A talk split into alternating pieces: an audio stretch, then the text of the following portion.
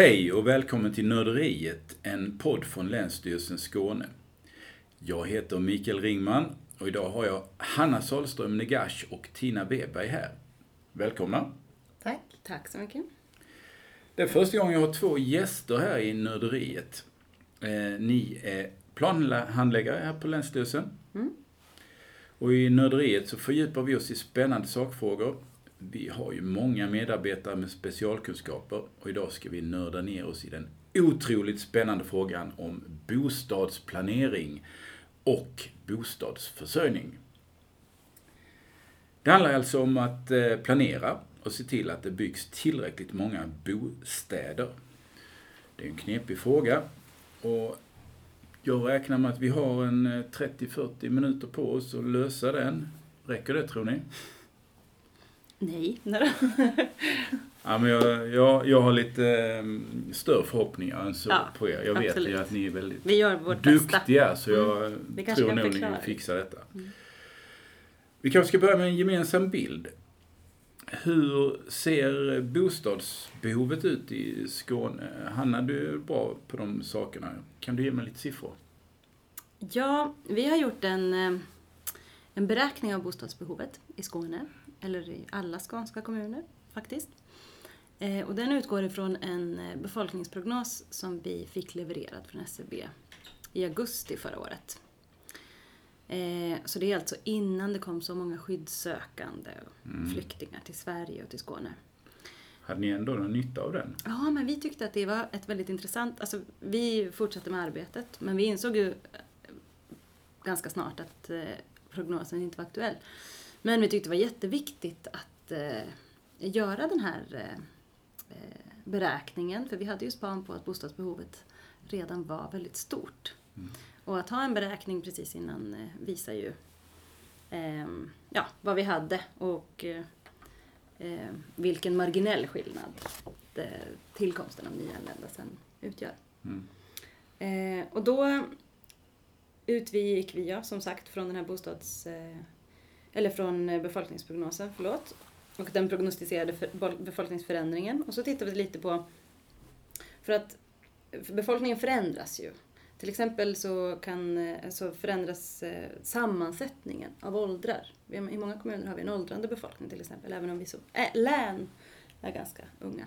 Mm. Eh, och det, det har påverkan, inverkan på hur vi bor. Vi har alltså större benägenhet att bo i ensamhushåll, till exempel när vi är äldre. Också när vi är unga så bor vi också eh, i större utsträckning ensamma. Eh, så det har vi tittat på, men vi har också tittat på hur vi bor idag. Alltså i kommuner, hur många eh, personer med bostad är vi idag? Det säger en del om bestånden och sådär. Var det bor barnfamiljer, lite sådana saker. Eh, och för den som vill liksom titta lite på hur vi har gjort de här beräkningarna så vill jag verkligen, så vill jag, så vill jag eh, referera till eh, rapporten. Bo- Bostadsbehov, eh, planeringsläge, bostadsbyggande i Skånes kommuner heter den. Det kan man säkert hitta på Den Länsstyrelsen kan man hitta Skånes publicerad på webben. Precis. Och i den eh, så gör vi, alltså vi landar i ett behov om runt 7000 bostäder årligen till 2030. Alltså ett bostadsbehov på 7000 eh, bostäder. 7000 varje år. Ja. Varje år till 2030. 2014 byggdes det 4600. Vi fick statistik idag över 2015 och den ligger på 3800 bostäder. Det var inte så Nej. mycket. Det var nämligen ny för Tina. Vi har inte haft eh, chansen att snacka. 3800 i år. Det var Ja, väl till och med... förra året. 2015. Ja, ja. Det var ju... Det Vi var hade- mindre Jag trodde att det skulle än vara högre. 2014. Vi tror, mm. Mm. Och mindre än 2013. Vi trodde ju att det skulle vara en stigande trend. Mm. Men, Men vi har ju också span på hur det är med inrapporteringen till SCB. Men det kan vi åter, återkomma till.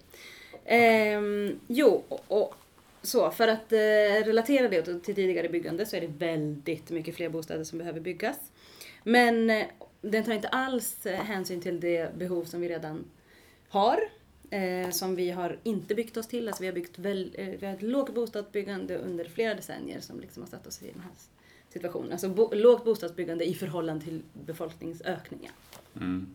Men om vi bygger 7000 om året, när löser vi då liksom behoven? Alltså, om vi bygger 7000 årligen så löser vi behovet under tiden. Är du Ja, med? Vi okej. får ju en befolkningsökning varje år. Men, eller vi, vi, vi löser bara behovet utif- om vi bara tänker på hur många fler vi blir. Men inte om vi också inkluderar alla de som redan behöver bostad. Okej. Är du med? Mm. Mm. Så om man tittar lite framåt sådär, hur, hur ser det ut? Alltså, finns det några siffror? Hur, mycket, hur många bostäder behöver vi bygga på de närmaste tio åren? Boverket säger att det behövs bygga, eller säger fortfarande, tror jag, att det behövs byggas 700 000 bostäder, bostäder till 2025. Okej, det är nästan ett nytt eh, miljonprogram alltså. Ja, Mm. det är den sitsen vi är i. Jag undrar lite alltså varför det är så himla svårt att få fram eh, bostäder åt alla. Vi har ju tillräckligt med bilar till exempel och tillräckligt med kontor. Och även om det ibland är knepigt så fixar vi ju få fram tillräckligt med äldreboenden och förskolor och skolor. Men vi, just bostäder klarar vi inte ut. Varför, varför är det så svårt? Ja, men om de exempel du tog så har ju bilar och kontor till liksom den eh, kommersiella eller fria, så det kanske inte finns några fria marknader, men, men till marknaden som sådan. Och ehm, eh, förskolor och, eh, och skolor, de är ju en del av eh, välfärdspaketet. Mm. Så det är liksom helt olika saker. Men bostadsförsörjningen, den är, den, den är ju precis, eller bostäder ligger precis i skärningspunkten. För att kommunerna har ansvar för eh, kommuninvånarnas bostadsförsörjning. Men sitter liksom inte på alla verktyg för att få till bostäder. Så, Mm. så det är liksom ett... Ja, det är inte jämförbart med andra saker. Så skärningspunkten då mellan det samhälleliga och det, det som marknaden tar Ja, hand om. och det kommersiella eller privata. Ja, Ja, ja, precis. Jag har ju förstått att det finns en hel del planer som aldrig byggs. Hur kommer det sig Tina?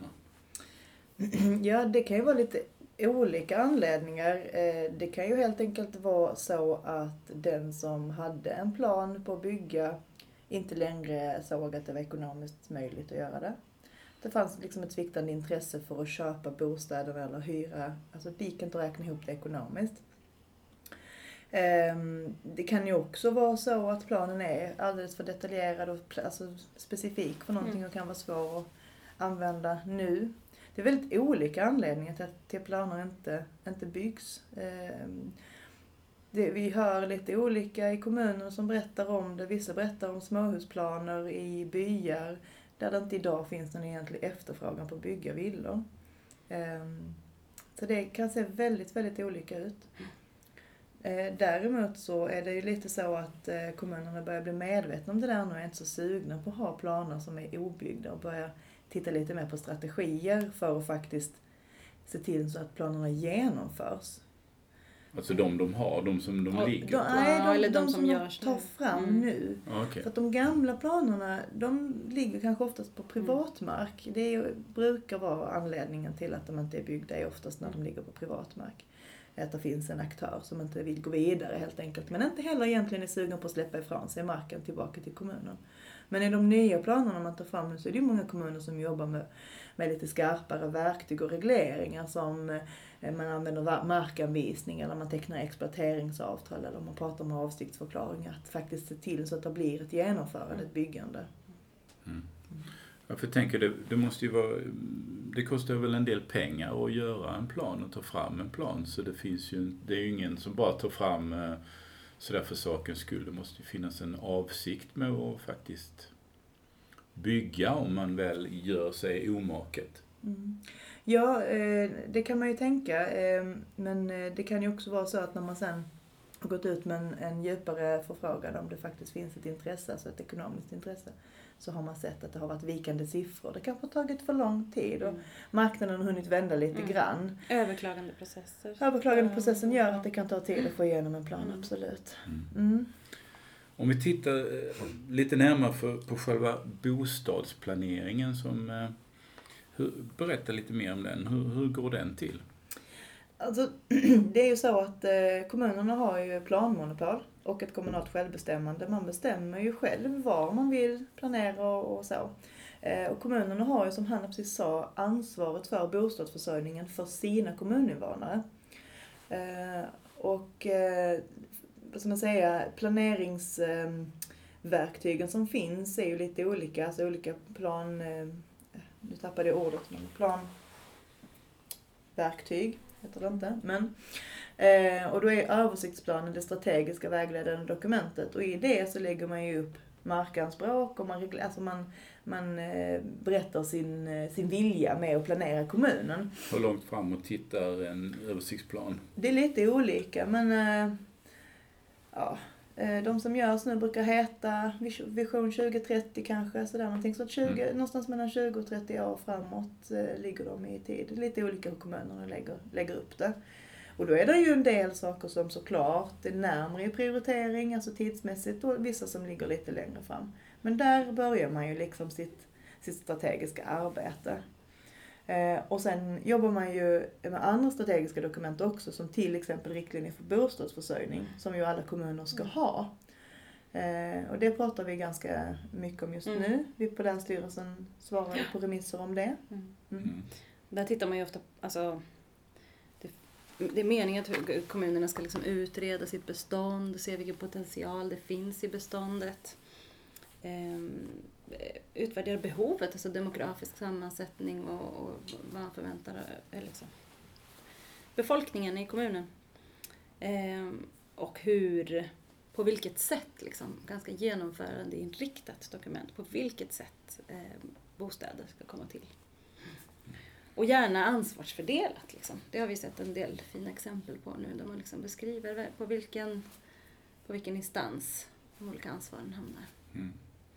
Men de här, då finns det ju en massa mm, bra dokument och planer då på hur det ska se ut i Skåne de närmaste, ja om man tittar en 20 år framåt och så.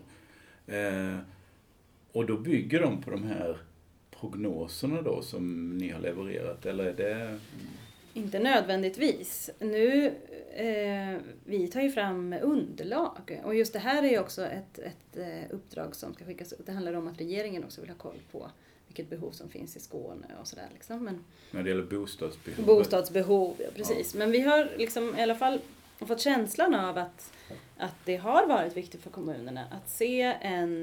Det är ju ganska svårt att bedöma bostadsbehov och även om den här bedömningen som vi har gjort är väldigt grov och den inte tar hänsyn till eh, vilket behov som redan finns eller vilken typ av bostad det behandlar men den säger ändå någonting om den förväntade befolkningsökningen. Eh, inte bara i den egna kommunen men, men i, hela, i alla kommuner. Så. Um, så vi hoppas ju att den kan användas som underlag. Liksom. Sen så vet ju kommunerna bättre själva ofta eller åtminstone så har de möjlighet i det här dokumentet till exempel att utreda vilket bestånd vi har, hur kompletteras det bäst, vilka behov har vi framöver? Mm.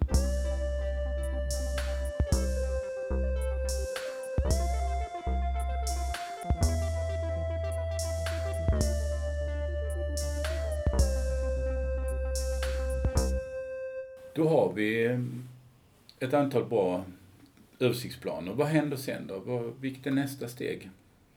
Eh, ja, när man har antagit en översiktsplan och det ska man göra eh, en gång per mandatperiod eller aktualitetspröva den en gång per mandatperiod.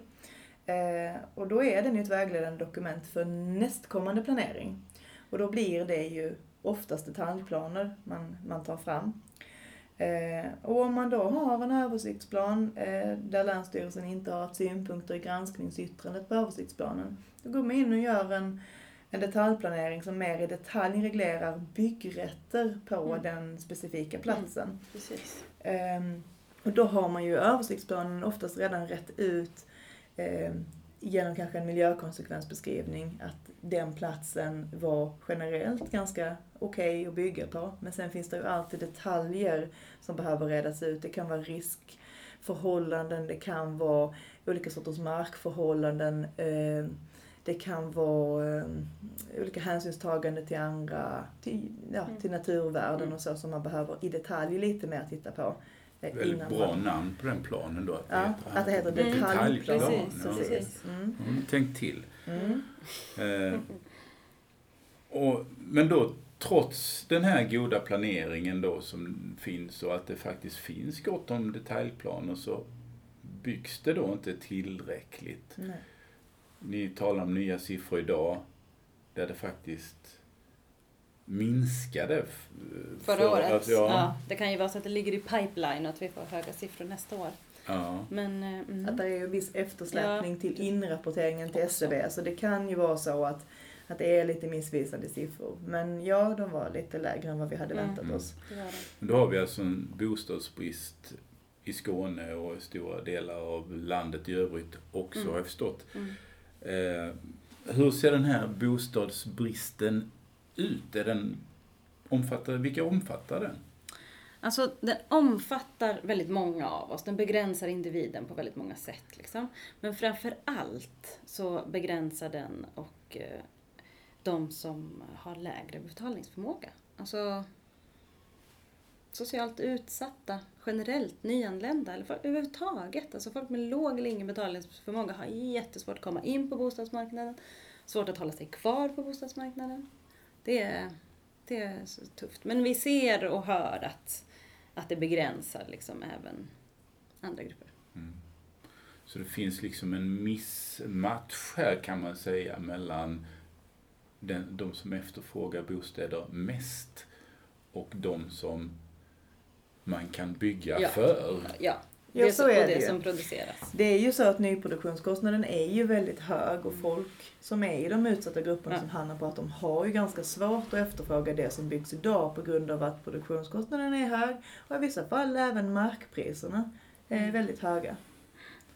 Den här bostadsbristen, är den eh, likadan över hela länet, hela Skåne? Nej, det är den inte.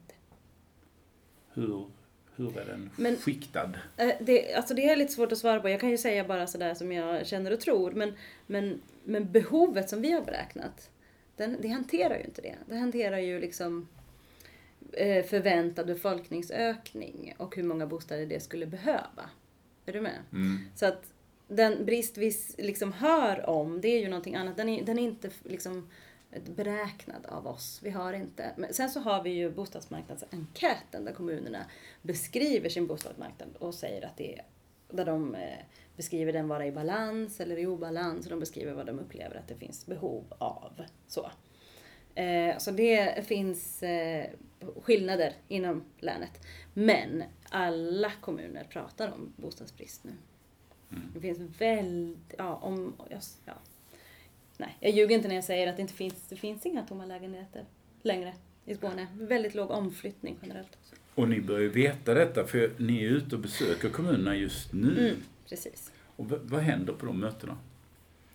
Det blir oftast en väldigt intressant dialog. Det finns ingen som inte tycker någonting om bostadsbehovet eller bostadsbyggandet. Eh, Vi får höra väldigt mycket om hur man eh, tycker att det funkar med, med marknaden. Mm.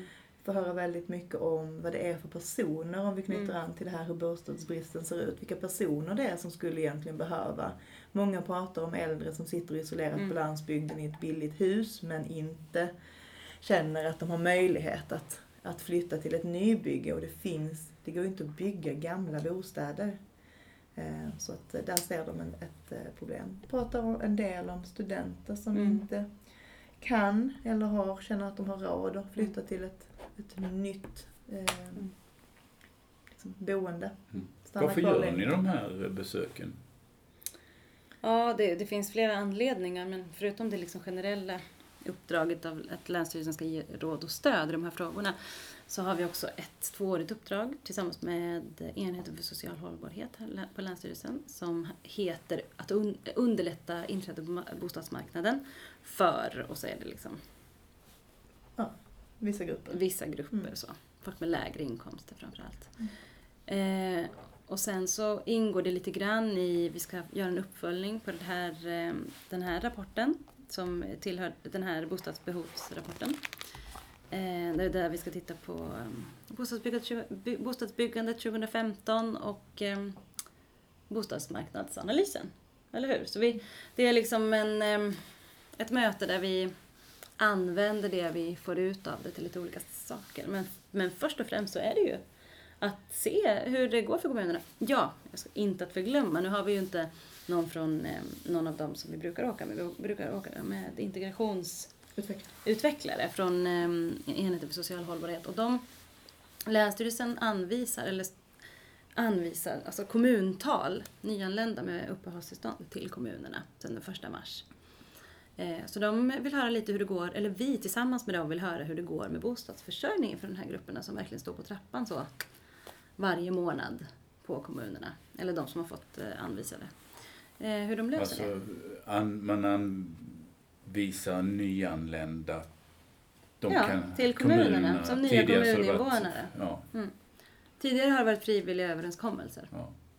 Och nu är det direkt eh, ja. styrt. Det är på uppdrag av regeringen. Mm. Så det handlar en del om det. Och eh, det är ju en pressad situation. Det är ju inte bara de som kommer då eh, till kommunen som är anvisade utan ofta en redan pressad situation bostadsbehovsmässigt eller bostadsbristmässigt. Mm.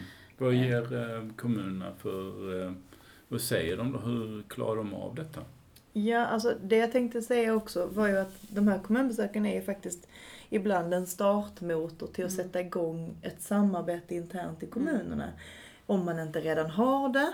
Eh, hoppas ju i alla fall vi på. Eh, och eh, de här frågorna om att ordna fram bostäder för nyanlända bland annat och personer med, ja, med, med en låg betalningsförmåga eh, är ju någonting som kommunen måste se på som mer än en planeringsfråga. Så där är ju, finns ju behov att socialförvaltning till exempel mm. är med. Eh, ibland även skola och utbildningsförvaltningar och så. Mm. Eh, och vi hör ju om kommuner som jobbar väldigt förvaltningsövergripande och har kanske bostadssamordnare som faktiskt jobbar eh, både mot tekniska och planeringssidan och mm. mot socialförvaltningarna. Mm. Eh, och om jag går tillbaka till det du frågar konkret, vad kommunerna säger, ja det är ansträngt. Det är ganska mm. svårt för dem att få fram bostäder i den takt som anvisningarna sker. Väldigt svårt. Men de har ju en väldig ambition mm. att göra det och många kommuner pratar ju också om att inte bara göra lösningar för nyanlända utan faktiskt göra lösningar som kommer hela mm. samhället till gagn och det tycker vi är jättepositivt. Mm. Och vi kan väl säga precis, det handlar ju, i många kommuner så har det, ju, har det ju hamnat just på socialförvaltningen. Så att socialförvaltningen hanterar väldigt mycket boende och bostadsfrågor. Just för att bristen har blivit så akut. För att eh, avståndet mellan den planering vi har gjort och den typen av marginaler som har funnits i planeringen, att vi planerar för tid som är längre bort, den finns inte längre. Och, och eh, socialförvaltningen har inte erfarenhet av att skaffa bostäder. Och planeringsplan, liksom, plansidan har inte erfarenhet av att fixa bostäder nu. Och inte så mycket verktyg för det heller. Så lösningarna är ju verkligen, eller så, det, det är nya lösningar vi ser som kom när eh, förvaltningen kommer tillsammans. Mm. Kommuner kommer tillsammans för att liksom mm. lösa den situationen. Mm. Tycker ni att ni blir eh, mer förhoppningsfulla när ni är ute? För liksom händer det mycket ute i kommunerna? Är det mm, många bra grejer på gång? Ja, mycket, både och. Det är både och. Men det är ju vissa kommuner som har jobbat väldigt länge ja. med de här frågorna. De har ju helt naturligt ett mer upparbetat system för det. Medan vissa kommuner inte har haft det mm. men nu börjar liksom inse mm. sig att de måste mobilisera sig. Mm. Men vi ser ju att alla som vi har träffat har ju haft en väldigt ett väldigt driv i det mm. och en väldigt politisk liksom att, eh, vi träffar ju även politiker, vi mm. träffar inte bara tjänstemännen på de här besöken och det är faktiskt jätteintressant mm. att få prata med, med hela kommunens bredd liksom. Men att även politikerna tar ett ganska så tydligt avstamp i att det här måste vi lösa eh, så gott vi kan enligt, eh, under förutsättningarna. Liksom. Eh, mm. Utan, vi behöver inte sitta här och dela ut guldstjärnor och så, men alltså kan ni tala om vissa idéer som är uppe, så, som ni har hört talas om som på nytänkande? Vad är det som händer ute i kommunerna? Men det är väl lite olika spår. Vissa kommuner pratar ganska mycket om att eh, se, se ehm, planeringen inte bara som planering utan mer som en process. Ja. En exploateringsprocess mm. eller en samhällsbyggnadsprocess som du var inne på mm. lite Hanna. Att man faktiskt eh, inte tänker att eh, man har gjort sitt jobb när man har gjort en antagen detaljplan utan att man följer upp med, med avtalsskrivning och att man faktiskt ser till så att projekten kommer i hamn och byggs. Mm. Vissa kommuner jobbar väldigt aktivt med civilsamhället Mm. och integrationsfrågor Ja. och aktiverar näringslivet i olika sorters eh, praktik eller utbildningssatsningar Ja. som ju är både för nyanlända och för de Mm. som faktiskt eh, redan bor i kommunen. Många kommuner säger nya saker som de inte gjort tidigare. Hyr in eh, eller köper in bostäder för att liksom kunna täcka Mm. det akuta behovet. Kreativa lösningar ja. faktiskt. Mm. Nytänkande Visst. lösningar. mm. Mm, Mm. Vad bra. Det, Mm. låter ju, eh, det låter ju bra. Mm.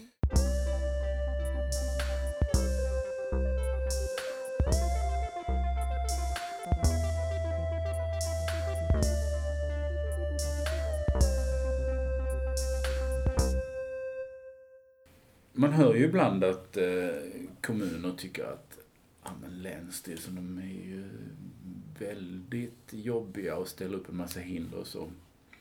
Är vi det?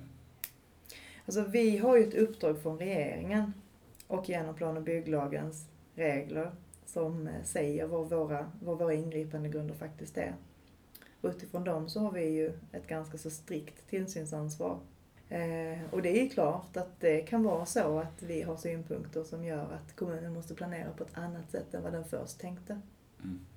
Men om en kommun då vill få igenom en plan lätt och smidigt, alltså nu, nu, är det lite brådis här ju. Mm. Ja, ja, nu ska vi försöka få fart på eh, bostadsbyggandet, det vill ju alla. Mm. Eh, hur ska de göra då?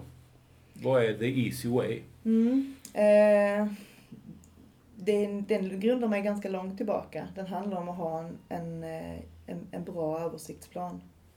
En bra översiktsplan eh, som tydligt reglerar och, och inte reglerar men, men eh, visar på vilka markanspråk man har gjort. Eh, Och så håller man sig bara till den.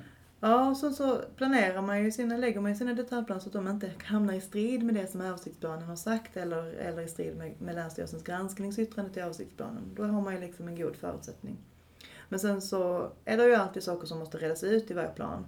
Och gör man eh, bra utredningar eh, på rätt nivå för den platsen så eh, löser man oftast ganska många frågor om till exempel risker och buller brukar vara en sån Mm. sak som många kommuner pratar om.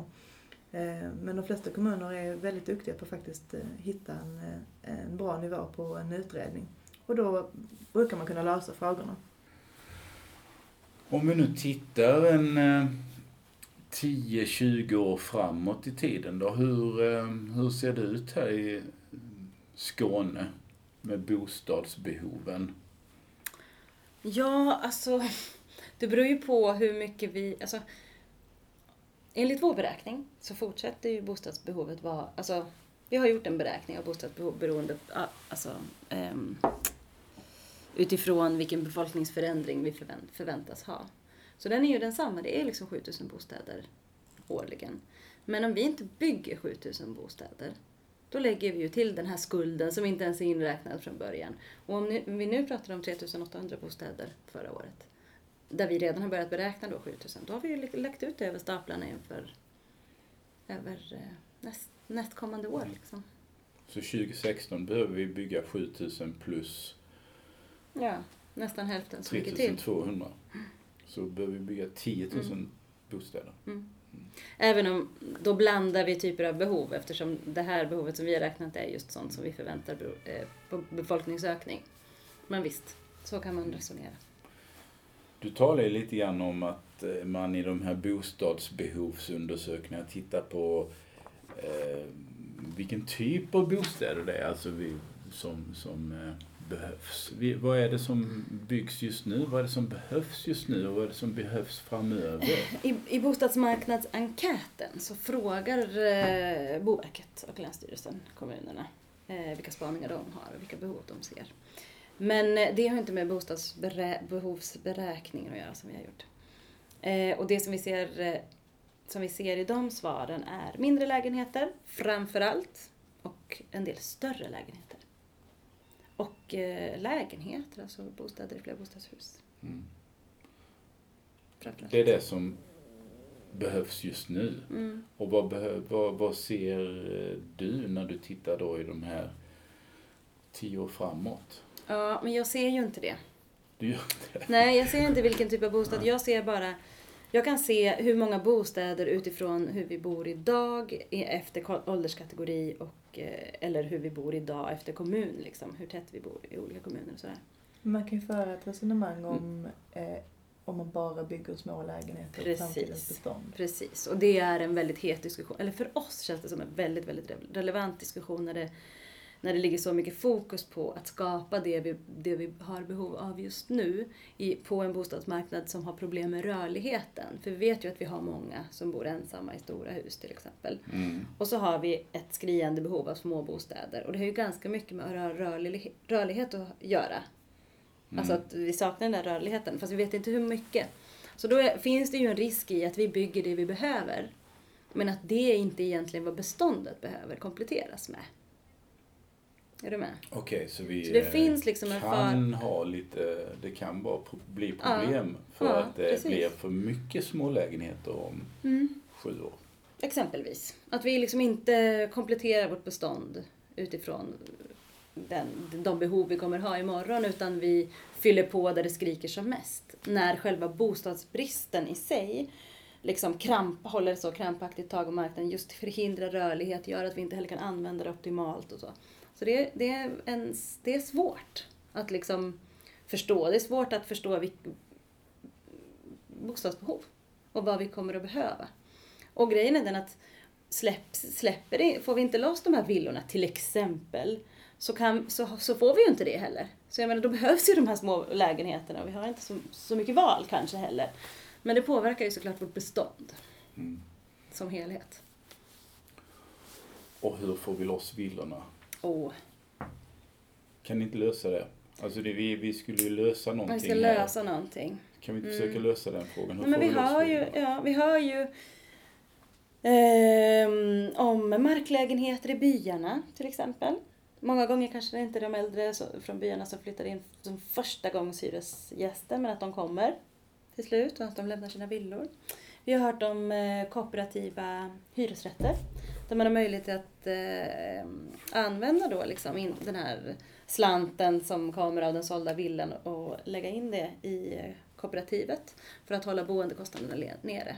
För det är liksom många gånger en knäckfråga så att man inte vill lämna ett billigt boende, liksom att bo i sin betalda villa som kostar 1500 kronor i månaden, att flytta in till att, från det till att flytta in en, i en ny produktion för 8000 i månaden är liksom inte läge för väldigt många Och här får man inte heller glömma att Skåne är ju väldigt eh, eh, har ju väldigt olika förutsättningar. Mm. Eh, dels så finns det ju mycket eh, historik i hur varje kommun ser ut när det gäller markinnehav och planeringsförutsättningar och planeringsläge. Har man haft en aktiv mark ett aktivt markinköp har man också mer ytor att faktiskt råda över.